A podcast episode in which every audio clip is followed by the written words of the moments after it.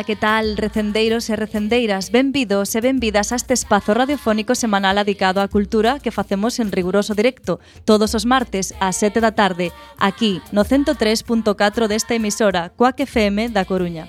Deixaronse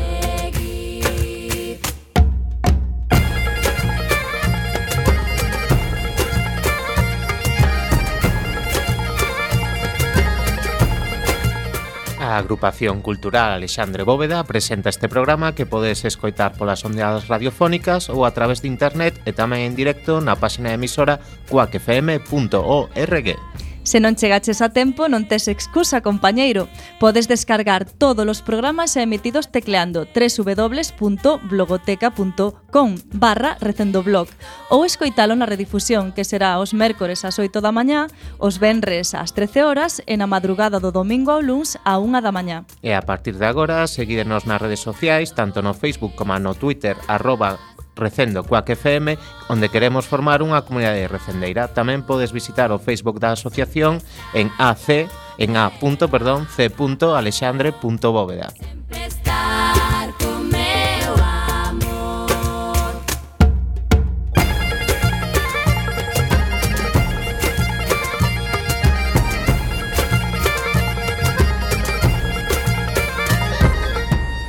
E xa sen máis imos caraló na procura desta fantástica aventura cultural con Roberto Catoira no control técnico e falándolles coa almanteira Javier Pereira e Marta López.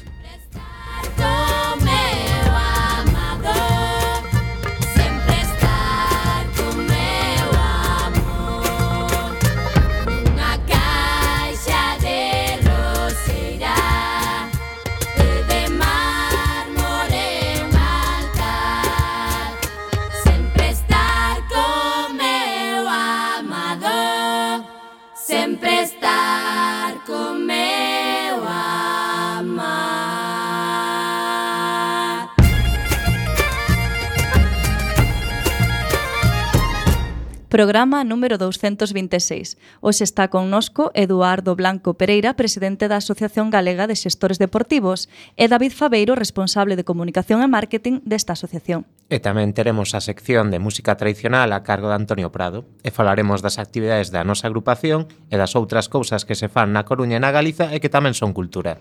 E na música de hoxe, a semana pasada, como ben anunciamos, o grupo de, do gaiteiro Daniel Bellón e o acordeonista Diego Maceiras presentaron no Teatro Rosalía o seu terceiro disco titulado Tendez, xa que compren unha década xuntos. Presentamos a primeira peza de hoxe titulada Viaggio, que é unha versión dunha peza do acordeonista francés eh, Richard Galliano. Thank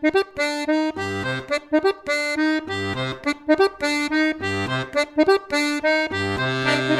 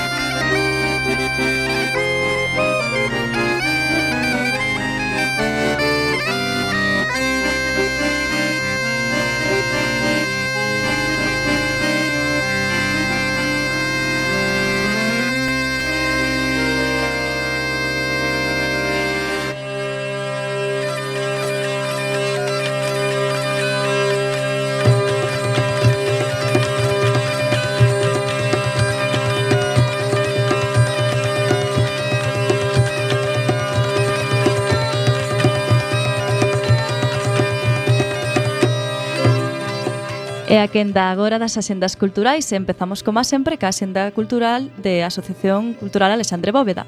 Temos un novo horario de apertura no local da Rúa Olmos de luns a xoves e de 7 a 9 da tarde o noso compañeiro Xurxo Couto atenderá vos gustosamente. Lembrade que o teléfono é o 981 200 869 e co email é acap.mundo-r.com. O mércores 15 a presentación do poemario Ollares no fondo da retina na paisaxe dos afectos. Primeira obra de Ricardo Seixo será no Salón de Actos ás oito e media. Tamén seguen á venta os cinco libros que forman a nosa colección de ensaio, reanudada nos últimos anos. Lembrade que son Formas de ver a bóveda, Señardades da luz, o estudio crítico da obra de Manuel María, escrito polo poeta Miguel Mato, Cartafol de soños, homenaxe a Celso Emilio Ferreiro no seu centenario 1912-2012, Por terras de Lugo, oito aproximacións á provincia, con textos inéditos de oito autores lucenses e finalmente aspectos da toponimia menor coruñesa. Música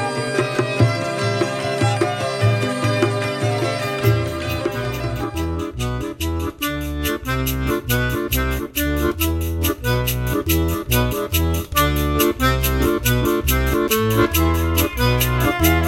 you.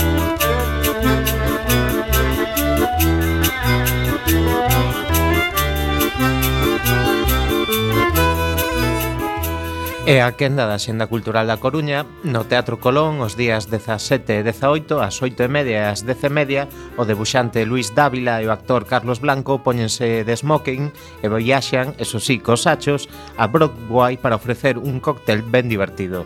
Un menú a base de música de budiño e quepa junquera baile e moito humor. Unha genial comedia con cobertura visual.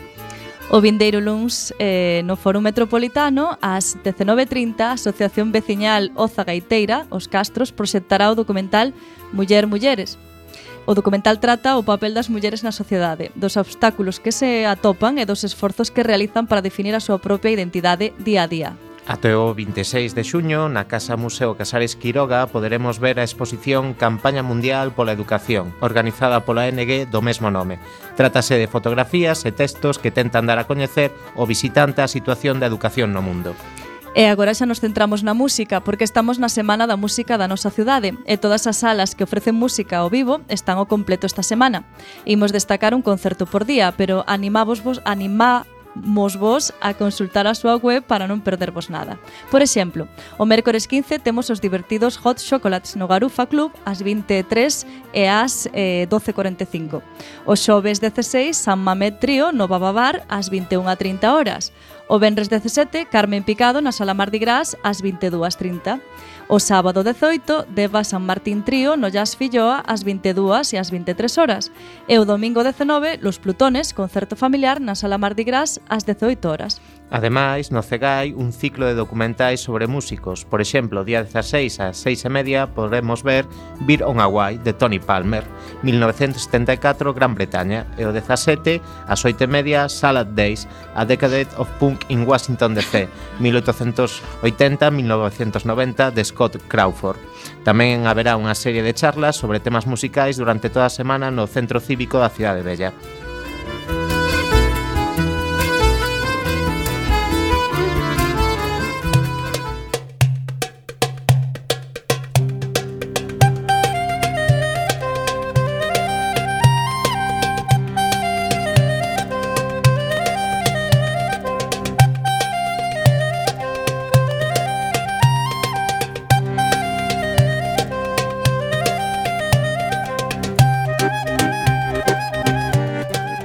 Imos agora ca xenda de Galiza. En Lugo, nesta vindeira fin de semana, a cidade das murallas resúmese en dúas palabras, Arde Lucus. Ademais de todas as propostas habituais, este ano temos o miúdo Arde, os campamentos do Arde Lucus e xa hai semanas que se pode disfrutar do Lucus Cultural, do 16 ao 19 de xuño, todas as Lugo, todos a Lugo. Imos agora a Ourense, diferentes entidades organizan unha exposición titulada 48 momentos con Manuel María. A primeira parada da mesma durante varios meses foi e segue sendo na Galería Ferrer, onde estará ata o 30 de xuño. Despois diso, comezará a moverse ata chegar a 48 lugares diferentes por toda Galiza. En Pontevedra, a sexta edición do Festival Surfing de Lerez será un ano máis totalmente gratuita, pero a idea é que toda persoa que asista ao evento ten que doar comida non perecedeira para os máis necesitados. Os primeiros grupos confirmados son Novedades Carmiña, Querido Extraño, Agorafobia, Iglú, The Blind Crows, de Phantom Dragsters, Jonander e Dixie Town. Será o sábado 18 na Illa das Esculturas. Pegamos un chimpo ata Santiago, a Real Filamor Filarmonía de, de Galicia, por alle música a voz do cantante e compositor zaragozano Santiago Auserón. O público terá a oportunidade de escoitar un total de 16 cancións do artistas do repertorio tanto de Radio Futura como de Juan Perro, arregladas por Amparo Edo. Será o mércores 15 ás 21 horas no Auditorio de Galicia. En Vigo estes días remata o programa Primavera 2016 da Orquesta Vigo 430, unha completa programación na que participaron as súas catro seccións. O último concerto do ciclo titúlase O Carnaval da Viola, da ópera O Arrabal, e contén pezas de Hummel, Paganini e Kugel, Brung e Piazzolla. Será o xoves 16 ás 20.30 horas no Auditorio Mar de Vigo. Falamos agora de Ferrol, concerto con tres das bandas de maior proxección nacional nos últimos anos do panorama musical pop rock en Ferrolterra. Eles son Band 74, Rock and Roll Power Pop, Shy Hooks, Basket Roll Band e Carrero Bianco Tecnopop. Será o Benres 17 ás 8 e media no Teatro Jofre. E para rematar, imos con Dinamo Teatro. O grupo de teatro da compañía Oleirense Dinamo ten dous bolos esta semana. O Benres 17, ás 20.30, representa Risas a Galega, na Casa da Cultura de Puente Deume. E o domingo 19, ás 19 horas, haberá unha nova emisión de Radio Torreiro no Auditorio de Coles.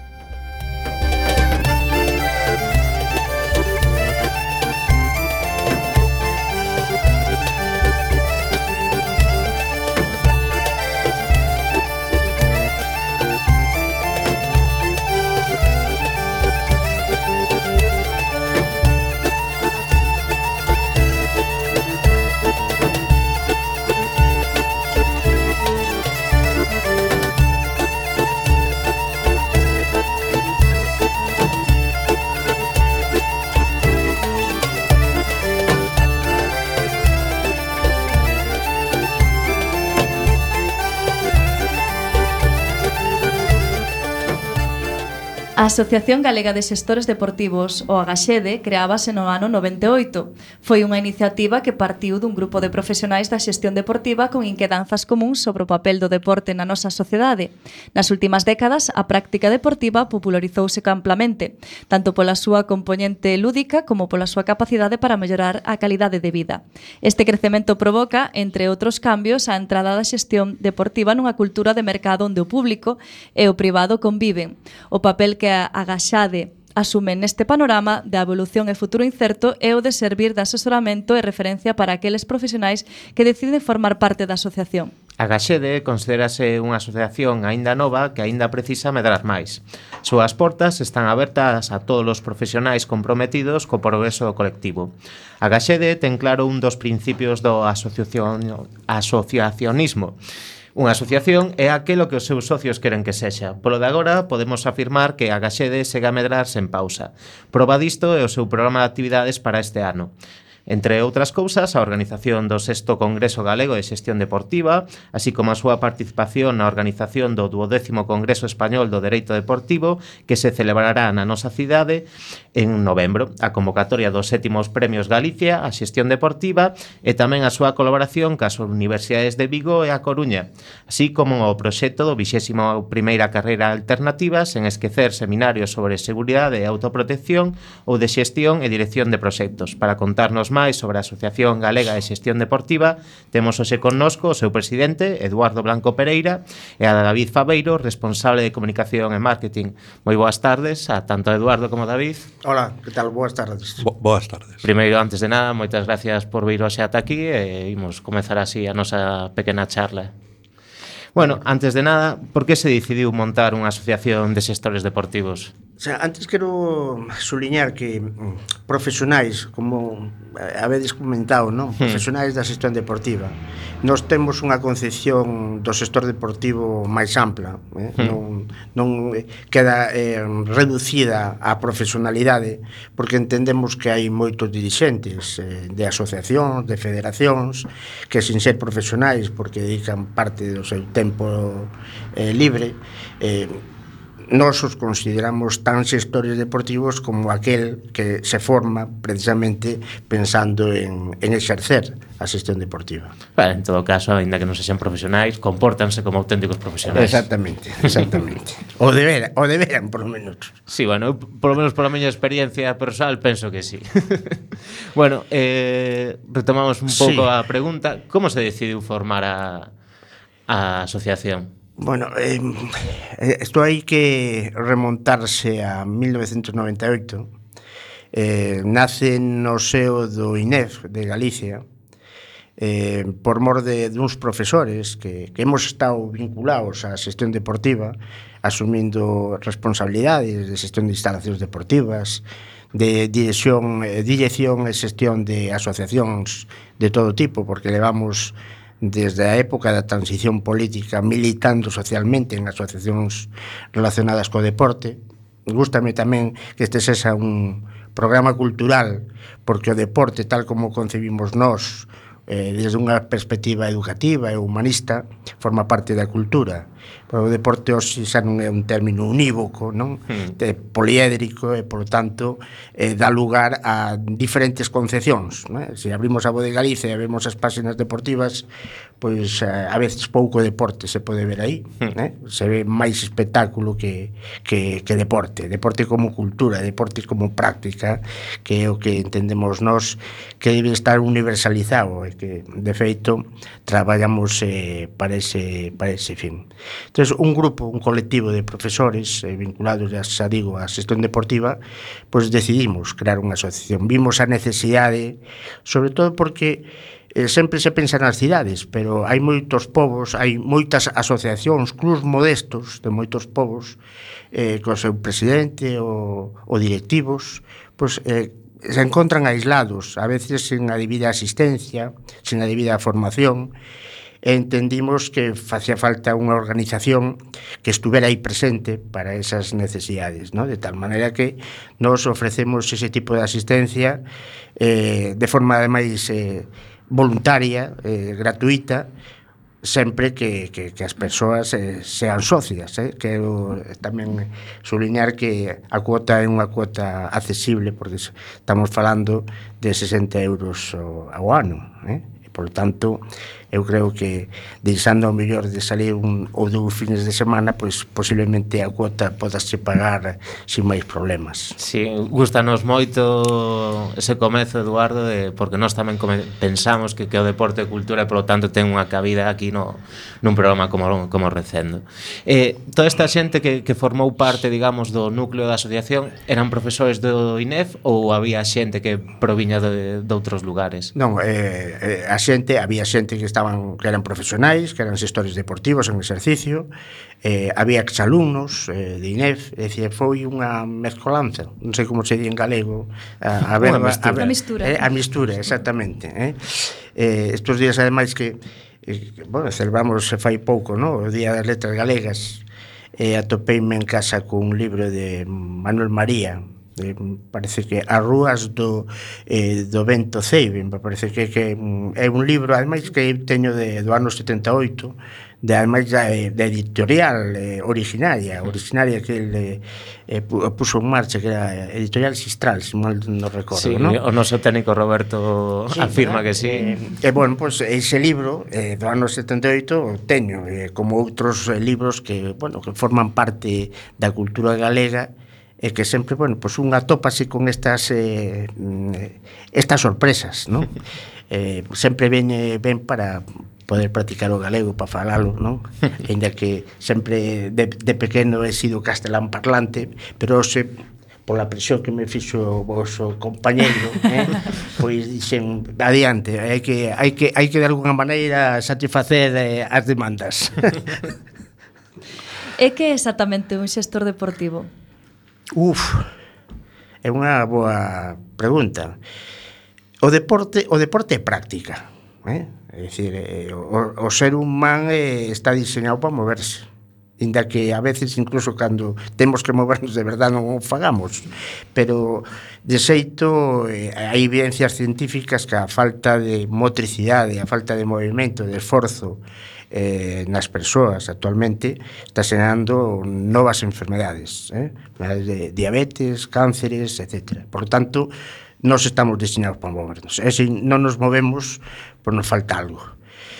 Eh, nas sociedades actuales a tecnoloxía pois, facilita a vida eh, sin esforzo e, polo tanto, é necesario unha decisión organizativa eh, decisiva para ofertar movimento. Ese, ese é o plan.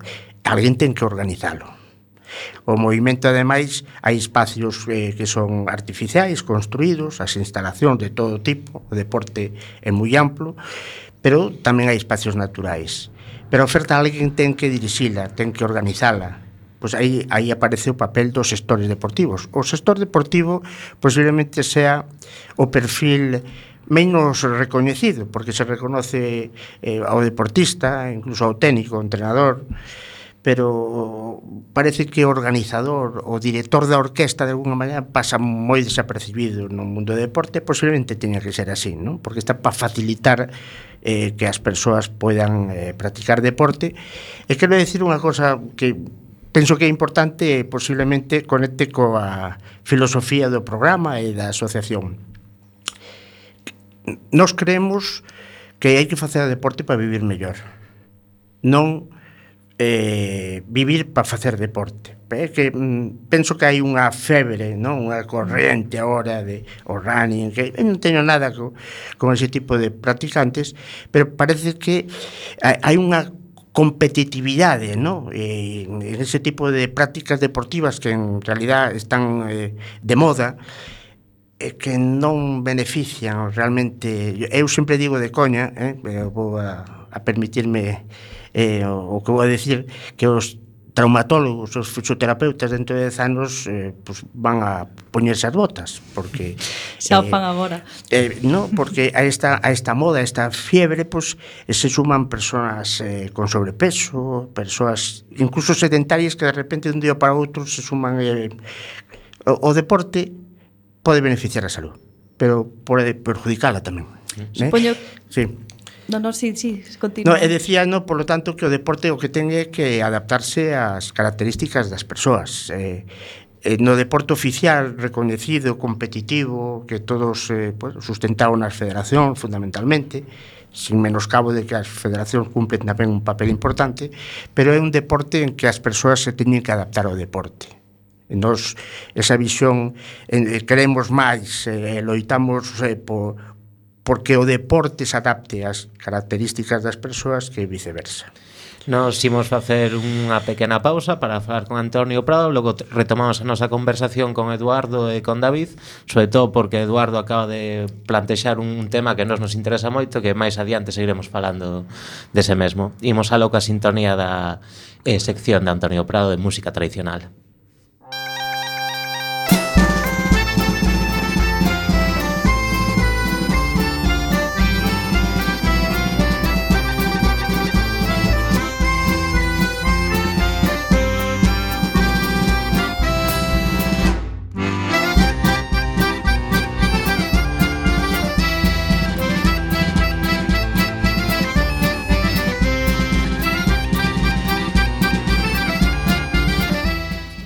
Hola Antonio, moi boas tardes. Hola, moi boa tarde.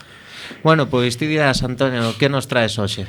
Pois hoxe traio vos un proxecto que máis fai moita ilusión porque estou eu no mesmo e trátase da, da, do primeiro grupo que saca un disco de, de percusión tradicional. Eh, Xosé Luis Romero, coñecido acordeonista de A Cada Canto, de Mamón de Lama Romero, Nova Galera de Danza, e outras formacións, xuntounos a un grupo de, de homes e de mulleres de entre Coruña e Ferrol para crear un grupo, pois iso, que lle dera un pouquiño a volta a percusión de sempre, con novos arranxos, con novos xeitos de tocala, pero que, bueno, que reflectise ese, ese xeito tradicional de, de tocar a percusión. Entón, despois escoitarémolo, pero é un, bueno, penso que é un, un proxecto moi innovador, algo que facía moita falta, que a percusión tamén tivera un, un pouquiño de avance, porque quedaba un pouquiño atrás respecto a instrumentos como a gaita ou como a zanfona que, que avanzaron tanto nos últimos anos. E entón xa nos diredes se, se vos gusta dicir que estaremos este venres na, na Sala Malatesta de Compostela, a que é antiga Sala NASA, e estaremos o domingo en Boiro, na terraza Miramar, a, na sesión Bermú. Así que, quen queira acompañarnos e coñecer un pouco máis deste, deste Aliboria, pode facelo nestas datas. Eh, Antonio, eh, nós que temos aquí moitas ganas de, de verbos en directo, por aquí pola cidade cando ides presentar o disco? Sei que xa o sabedes ou aínda non tedes unha, unha data pechada? Non, non temos ningunha data, a ver se si agardamos que polo menos no verán poidamos poidamos tocar na casa. Bueno, ademais, Boiro e Santiago tampouco está tan longe, así Como que... non, Santiago... Eu, pero eu animaría porque vai haber sorpresas en Santiago, que, bueno, vai acompañarnos algún algún amigo que tamén colabora no disco e seguro que vai ser unha data especial porque ademais a Sala NASA a, bueno, agora Malatesta conserva esa esencia da, da tradición en Santiago que sempre se viñese realizando ali foliadas unha vez ao mes e foi, bueno, serviu un poquinho de punto de encontro do folclore en toda Galicia. Todos temos unha referencia en Santiago e a partir de aí pois chegaron as de Lloeixo e outras outro tipo de propostas, pero bueno, xerme temos claro que foi o de Santiago. Pois moitas gracias, Antonio. Lembranos o, o tema do o título do tema, por favor. Sí, o tema, se non lembro mal, é Liñares 2, é unha muñeira tradicional e, bueno, que reflicte toda a forza da percusión e da, das nosas voces. Pois moitas gracias, Antonio. Quedamos co tema e un saúdo para todos. Moi ben, unha aperta. As mociñas de Liñares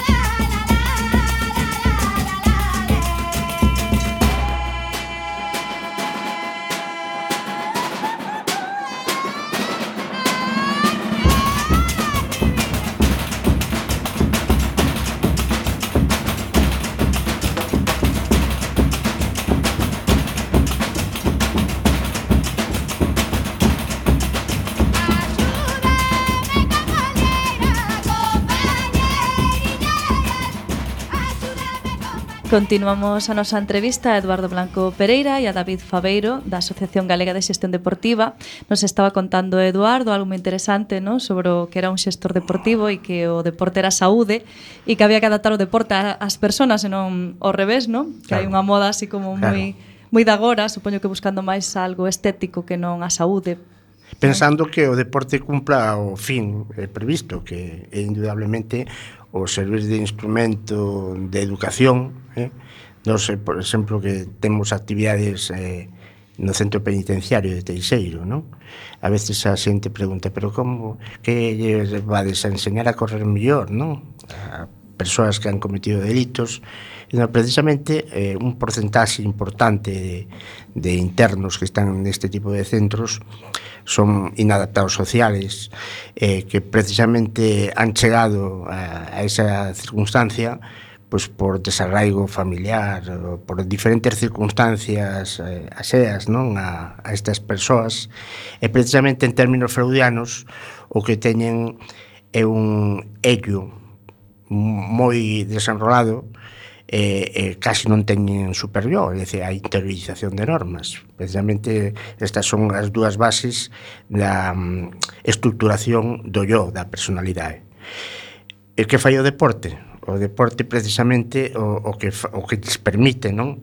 É interiorizar normas porque teñen que respetar o adversario, teñen que facerlle caso ao entrenador ou ao que dirixe o entrenamento, é dicir, que de alguna maneira mm, reforza eh, o superior e eh, trata de equilibrarlo coas, coa outra parte que son as pulsións, as emocións, etc. etc. Por lo tanto, o deporte contribuye moito mellor que a mellor outras tarefas a reestruturación da personalidade deteriorada e posiblemente a reinserción social deste tipo de persoas.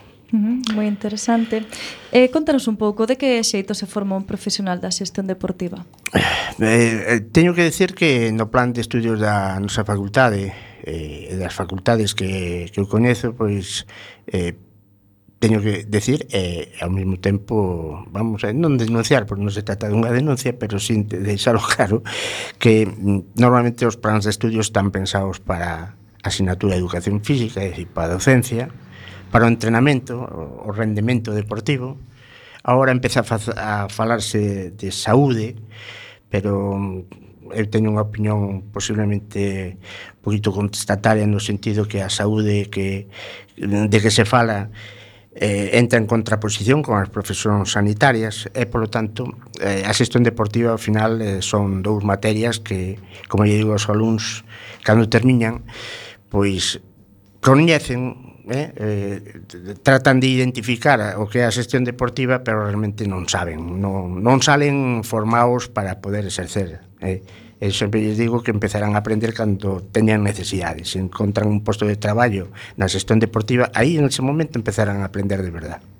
Ainda así comentabas antes fora de micro, Eduardo, que vos seguíades a traballar tanto cos alumnos, tanto nas prácticas sí. como nos másters. Non sei se nos podes contar un pouco cal é o vosso traballo aí. Sí, eh, a asociación, porque ademais é unha forma de alimentarse, de renovarse, de estar viva, eh, ten un compromiso co estudantado en xeral, non? Tal maneira que mm, algúns socios eh, directivos ou, que están vinculados á universidade eh, ofertan a posibilidade que os alumnos que quedan especializarse na xestión deportiva pois que pasen unha tempada con nós eh? eh en definitiva que fagan o practicum, o practicum en xestión deportiva. A parte, eh, ademais do practicum, teñen a posibilidade de desenvolver tamén o traballo de fin de grado, e teño que decir, bueno, pois que hai moito compromiso, que temos moitos alumnos, mos, mo, moitos colaboradores, por exemplo, a carreira alternativa que cumpliu 20 20 anos eh, o pasado ano, pois é unha carreira que sin a colaboración de máis de un centenar eh, de estudiantes sería imposible facelo porque a financiación se nos escaparía, non?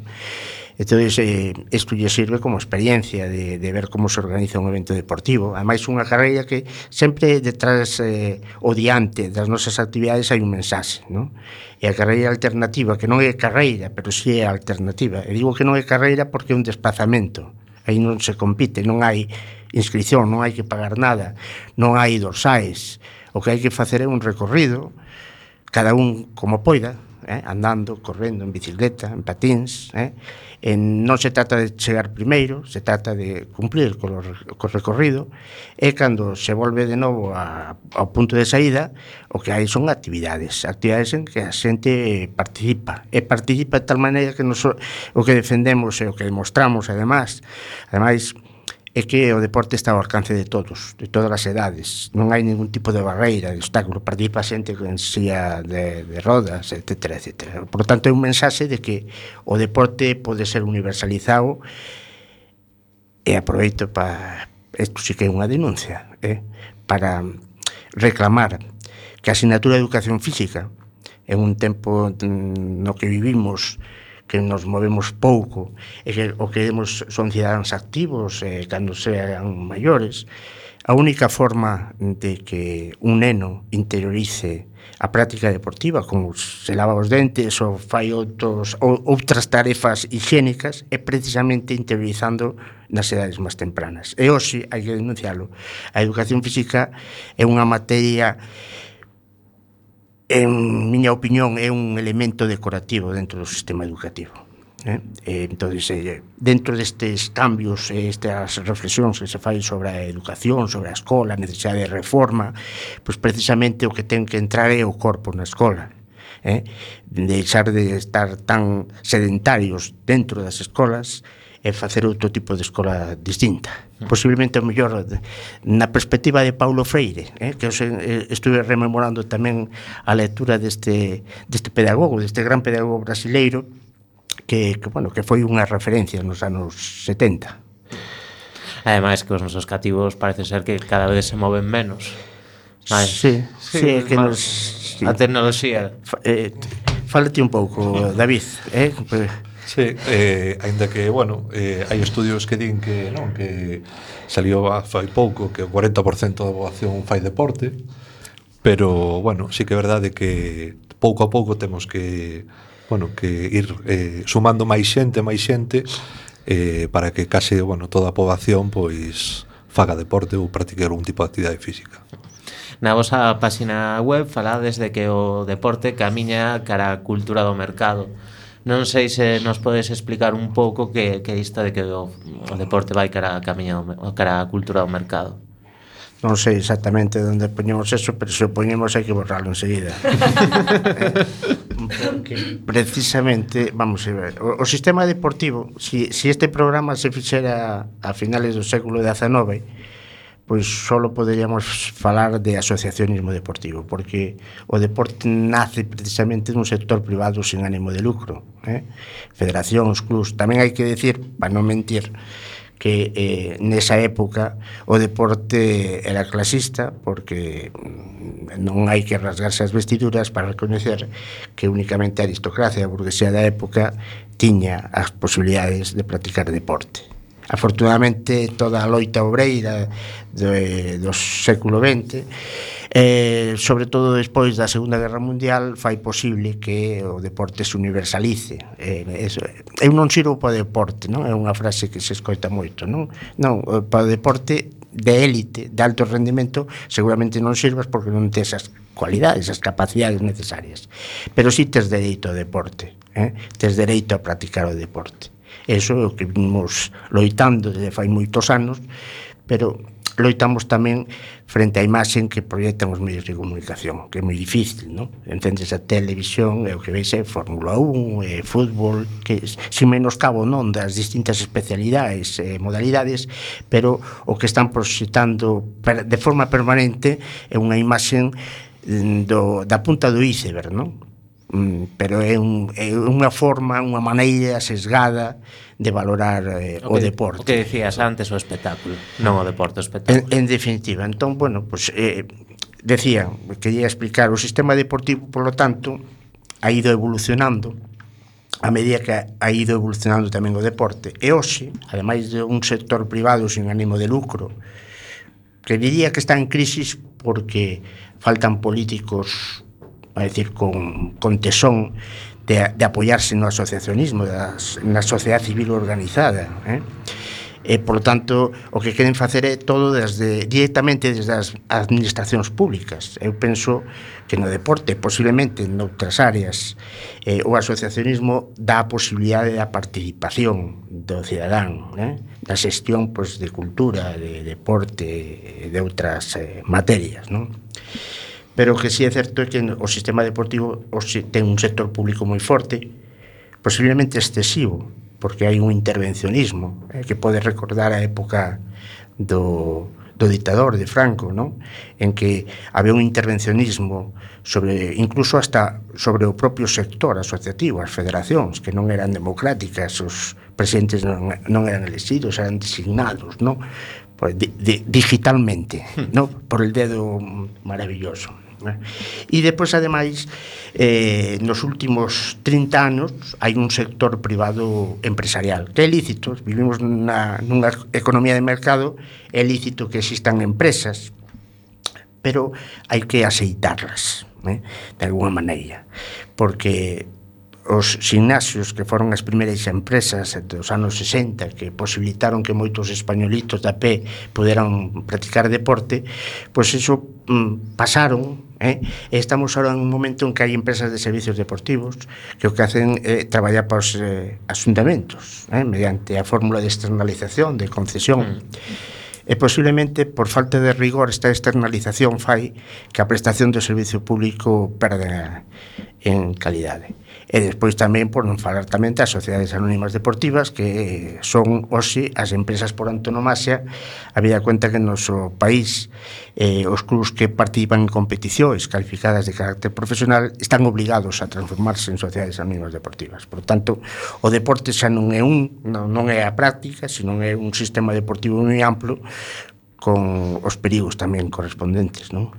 Imos facer unha pequena pausa musical. Agora imos escoitar o tema Brasileiriño de Bellón e Maceiras.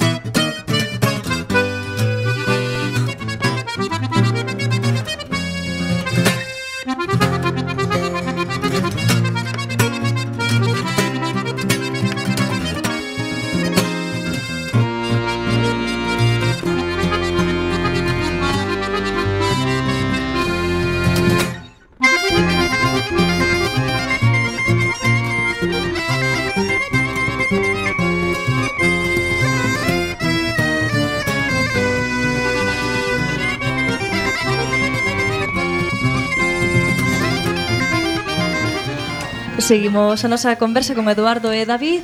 Eh, cal é o estado de xestión do deporte en Galicia en comparación co resto de España? do deporte, sí, mm, da práctica claro. deportiva. Bueno, hai estudios, a, a evidencia científica máis eh, de máis peso, de máis relevancia en, está feita por un profesor da Universidade de Valencia que leva facendo estudios eh, de forma periódica e eh, que atreves a decir que cerca de un 50% de cidadáns practican deporte. Eh, eu non, non o creo, eh? salvo que mm, dentro de ese facer deporte entre actividade sexual tamén e eh, outras eh, tipo de actividades. Eh? Penso que de forma sistematizada, porque facer deporte eh, habrá que facelo de unha maneira aceitada, non? eh, penso que está entre un 25, un 30, un 35% máis ou menos, eh, depende das, das idades. Pero o certo é que en España no ámbito estatal as diferencias tampouco son moi relevantes non? Eh, é unha media entre 25-35% das persoas fan deporte. Se ao mellor baixamos a idade escolar pois posiblemente ese porcentaxe aumente pero volvo a incidir de que o importante é que na futura política educativa eh, se tome conciencia de a importancia que ten rediseñar os centros educativos eh, e sobre todo o contenido eh, curricular para que un cativo interiorice o feito eh, pois, como unha forma máis de higiene de facer exercicio. Eh? E se facemos eso, podemos conseguir unha sociedade adulta, concienciada, deportivizada e que incluso a mellor entenda mellor o espectáculo deportivo e non teñamos que ver pois, os enfrentamentos que estamos vendo na Eurocopa entre rusos e ingleses. E tamén, tamén por certo, pois apuntar que, que esa forma de interiorizar o deporte pois que a xente o practique pois eso como unha forma de hábito cotidiá e non só pois, a, eh, pois determinadas modas como apuntaba antes Eduardo como pode ser isto do running onde bueno o primeiro objetivo é facer 10 km logo 20 logo 30 logo 40 e incluso xa está aí de, de 100 km non? entón é, é importante non deixarse levar por as modas e si que practicar un pouquiño de deporte os médicos recomendan 30 minutos pois diarios. Por, diarios por lo menos 4 ou 5 veces a semana. E, e máis, eh, sabedes que fai pouco se celebrou un maratón de Coruña. Uh -huh. Bueno, eu non teño unha opinión moi favorable aos maratón. De hecho, o maratón, que se chamaba así, o grego que anunciou a victoria, morreu, non? Pero en todo caso, un maratón que son... Eh, 42 kilómetros. 195 metros, que iso tamén hai unha hai unha anécdota sí, sobre sí. os 195 metros, que non sei, pero en todo caso o diré que mm, o eslogan deste maratón organizado recentemente, non sei se o bicheres por los cartéis, era quen dixo medo. Hmm. Isto é unha falta de responsabilidade tremenda, porque se morre algún participante, ao mellor o medo iba ao que era eh, quen quen diseñou, non? Sí, sí. Pois ia ter que comer esas palabras, sí. E, e ademais tamén hai que apuntar que, bueno, pois nas noticias nos medios de comunicación nas últimas semanas pois están a aparecer moitos casos de, de mortes súbitas en deportistas, en deportistas xóvenes, bueno, pois eso, pois que non están habituados a unha práctica deportiva e de repente, pois do día para a noite, pois ponse a practicar estas modalidades e coas consecuencias sen unha supervisión previa médica, sen ningún tipo de preparación física ou acondicionamento anterior e despois, bueno, pois pasan casos deste tipo. Entón, é indiscutible que se cada vez se practica máis deporte, non? Pero temos unha boa cultura deportiva, non? eh, bueno, pues, eh, partido de que eh, a cultura esa deportiva tiña que dar a asignatura de educación física, podemos concluir que non, que non hai cultura deportiva e sobre todo por, por esa proyección de imaxe que os medios de comunicación dan permanentemente. Eh? Eh, no deporte nunca se perde, sempre se gaña. Esta é unha frase miña de moitos anos. Digo, aínda que perdas no partido, gañas se faz un deporte saudable. Mm, por suposto. E que outros problemas credes que temos agora de promocionar o, o deporte? Xa non só de vendelo como un espectáculo, como unha competición. O, o problema máis importante é é que os recursos non se distribúen de forma aceitada. É dicir, é que é importante a práctica cidadán, a práctica mm, deportiva que chamo de carácter social, eso é importante. Aí tiñen que ir os presupostos, aí tiñen que destinarse máis recursos pero desgraciadamente os recursos económicos onde se gastan de verdad eh, auténticas millonadas é precisamente no deporte espectáculo. E, e despois tamén apuntando que moitas veces se destina tamén diñeiro o que se chama o, o deporte de base, pero bueno, de base, como di aí moitas veces Eduardo, pois ten pouco, porque non é un deporte de base social, senón que é un deporte de base de rendemento buscando, bueno, a selección de talentos para futuros xogadores eh, profesionais. Xa non se trata tanto de, digamos, tratar de crear os cidadáns digamos, máis activos dende todos os puntos de vista comprometidos coa sociedade, senón de crear un, un pequeno profesional, claro. non?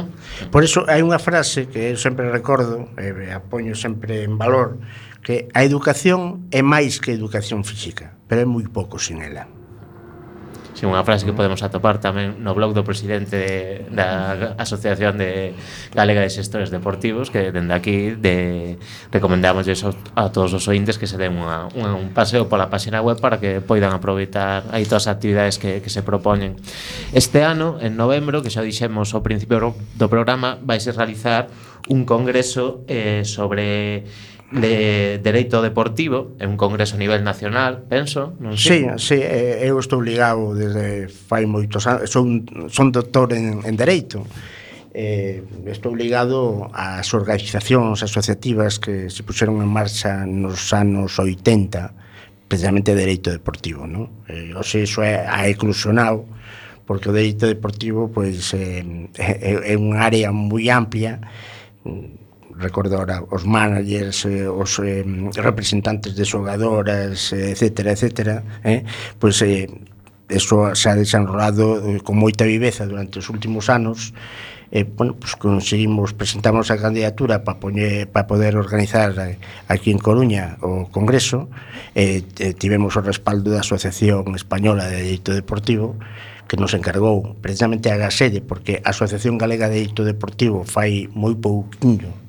que xa constituído, e encargou a Asociación Galega de Sectores Deportivos eh, a celebración deste congreso que será no Paraninfo da Universidade, ademais. E, e, quero anunciar, ademais, ou quero animar aos estudiantes que nos están escoitando para que aquel estudiante sea de, do curso que sea eh, da área de conhecimento e independente, económica, dereito, que se acerquen pola asociación, que estamos polas tardes de luns a xoves, porque posiblemente encontrará pues, algunha forma de colaboración, e de satisfacción e, e de aprendizaxe. Eh, que consellos daríais a, a, para aquelas persoas que se queren iniciar na práctica deportiva? Bueno, eso es básico, eh, que se poñan en manos de alguén que sepa. Eh? Eh, é decir, Muy de, importante de, de, de alguén eh, formado é dicir, o sea que está tan en moda ahora o entrenamento persoal no? é dicir, mm. xente que pues, que además é interesante no? que acude a, a súa casa incluso unha persoa que é un entrenador personal para facer deporte, actividade, exercicio de forma individualizada bueno, pois pues, o que non pode vir a nosa casa calqueira ten que ser un especialista E iso tamén va precedido dun reconocimiento médico, é dicir, de como está a nosa salud, temos algún impedimento, hai algún tipo de, de inconveniencia, pois pues eso, eso obviamente hai que ponerlo hai que claro, claro, exactamente. E para os cativos, como debe de ser a súa iniciación ao deporte? Na escola, na escola. E, o deporte ten que ser educativo. Despois xa vendrá o rendimento, e se alguén pues, ten cualidades... Eh, eh, para ser tenista ou ser xogador de fútbol e ganar moito dinheiro, pois mellor. Pero en principio o instrumento deportivo ten que estar ao servicio da maioría. E a maioría son persoas que necesitan facer exercicio, actividade, moverse eh, e despois vendrá o demais. David, xa para rematar, porque xa case nos bota sí. o tempo en riba, cales son os plans de futuro para a vosa asociación? Pois a corto medio plazo é seguir crecendo. E na actualidade somos en torno a 180 socios das máis diversas índolas, é dicir, hai desde xente que traballa na administración pública, na, bueno, que xente que ten empresas, eh, estudiantes, eh, bueno, pois é eso, ir crecendo pois eh, pouco a pouco, irnos consolidando, irnos eh, darnos a coñecer máis, que aínda que nos pensamos que chegamos a moita xente, pois ainda hai xente que, bueno, que non sabe, bueno, non, nin onde estamos, nin onde que a que nos dedicamos, e eh, bueno, e pouquiño a pouquiño pois ir progresando, non? Moi brevemente, Como ten que facer a xente se quere contactar con vosco? Pois mira, eu eh, xa aproveitando así os 2000 eh, bueno, a, a web, a web. Sí, eh, quería dicir dúas cousas. Primeiro, eh, que visiten a nosa web, non? www.agaxede.org por varios motivos. Eh, o primeiro é por a, a información tan actualizada que temos nestes momentos. A páxina actualizase todas as semanas e aí encontrarás, bueno, pois pues, información desde diversa índola. Desde evidentemente desde o campo da xestión deportiva hasta outra como pode ser de educación física ou de dereito deportivo ou bueno, eh, cursos de formación ou bueno, diferentes eh, convenios, etcétera. Eh, despois eh, como, bueno, por forma de contacto, pois eh, temos eh, o asistencia a xestor deportivo, que tamén, bueno, se poden facer eh, calquer eh, tipo de consultas. Eh, e despois, que, como me preguntabas, para ponerse en contacto. Ah, bueno, e despois eh, aí encontrarán eh, bueno, o correo que info onde donde, bueno, calquer tipo de cuestión que nos os podamos axudar, pois pues aí eh, a rúa, a rúa, a rúa Darwin, a rúa Darwin número 1 eh, de Santa Cristina, que temos, temos unha sede, que pues, hai poucas asociacións que podan decir, presumir que teñen unha sede, non? Efectivamente, ali, en Santa Cristina. Moi ben, pois nada, animamos a todo o mundo que vos visite, que visita a página web, que se faga socio e que practique deporte, sobre todo, pero con cuidadiño, eh? E sen tempo para máis odiseas, imos chegando ao fin do camiño deste recendo. Despedimos o programa de hoxe agradecendo os nosos convidados que, como sempre, son de honra. Hoxe tivemos connosco a Eduardo Blanco Pereira, presidente da Asociación Galega de Xestión Deportiva, e a David Fabeiro, responsable de Comunicación e Marketing. E agradecendo a semente pedra angular de todo, noso comando e equipo de producción formado por Uxía Vázquez, Roberto